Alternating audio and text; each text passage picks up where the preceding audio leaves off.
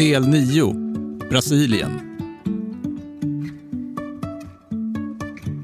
En annan grej med hyperinflation det är att det är orättvist. Alltså, det drabbar människor väldigt olika. Det kan också liksom förstärka ekonomiska skillnader som fanns eh, från början. Leticia Pontes växte upp i Sao Paulo i Brasilien. Ja, jag är äldst av tre tjejer och eh, vi... Eh, eh, vad heter det? Åldersskillnad mellan oss. Det är typ ett och ett halvt år mellan mig och min mellansyster. Och sen det är typ tre år ungefär mellan mig och min yngsta syster. Brasilien drabbades av hyperinflation i slutet av 1980-talet. Leticia var bara åtta år. Hon har fortfarande så kristallklara minnesbilder från den här krisen. Hon minns bland annat sina matteböcker. Där lärde man sig om pengar. Hur mycket, ja, hur mycket någonting var värt. Ja, hur mycket kostade, hur mycket man skulle de, eh, göra för att typ delbetala någonting. Det fanns det där. Och jag minns att vi, eh, eftersom vi, vi gick på en privatskola, då köpte vi böckerna i början av året. Och, eh, och vi köpte de där, de där böckerna och sen när vi skulle börja använda, när vi kom fram till just det kapitlet, då hade redan ändrat pengarna, eller valutan hade ändrat så himla mycket för det som stod i boken gällde inte längre.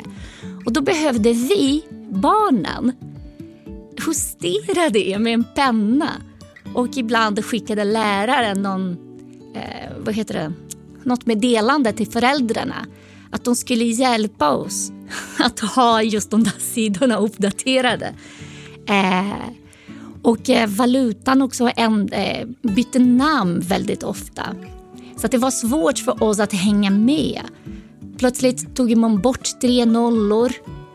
Eh, och det var just det vi behövde göra i boken. Och det där var jättemärkligt. Kan, ni kan du tänka dig typ barn som är åtta år. Aha, okej. Okay. Vi måste uppdatera boken. För det hade redan hänt jättemycket. Så du köper nya skolböcker i början av terminen men på grund av den ekonomiska krisen så gäller inte det som står i boken efter bara några månader för att typ valutan har bytt namn. Ja precis. En av uppgifterna som Leticia kommer ihåg är att hon fick stryka tre nollor från olika belopp i de här böckerna för att man hade försökt införa en ny valuta som hade en annan, ja du fattar liksom, det är galenskap. Och det här gällde inte bara skolböckerna utan även de faktiska pengarna. Vi började stämpla några sedlar när, typ, när valutan bytte, bytte namn och då tog bort några nollor. Då fortsatte man använda den här gamla fast med någon stämpel på med den nya valutan och, var, och med det nya beloppet också. Så det, det fanns det. Det var typ triangel, en stämpel som såg ut som en triangel och sen med nya namnet. Leticias familj hörde dock till en, får man nog säga, ganska så privilegierad grupp i Brasilien.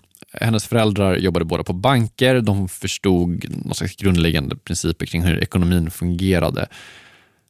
Bara en sån sak som att få lön blir i ett land med hyperinflation extremt komplicerad.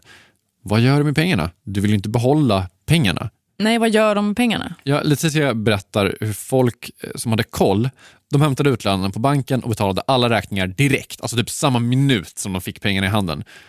Men det gällde ju inte alla. Och det var just det som var så svårt eh, just på den tiden med med olika, med, med olika vad heter det, klasser, med klasskillnader i Brasilien.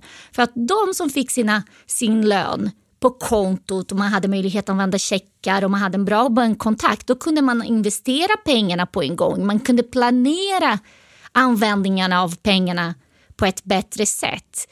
Och medan de som inte hade samma möjlighet, de kunde inte investera sina pengar på samma sätt. Så att man fick pengarna och så fort man tog de där pengarna då började de att då, då, då var inte lika värda så, som, som de var typ för kanske en timme sen. Så att där var det också en anledning till att den där ojämlikhet som man pratar mycket om i Brasilien, på den tiden var det ännu värre. För det var väldigt tydligt.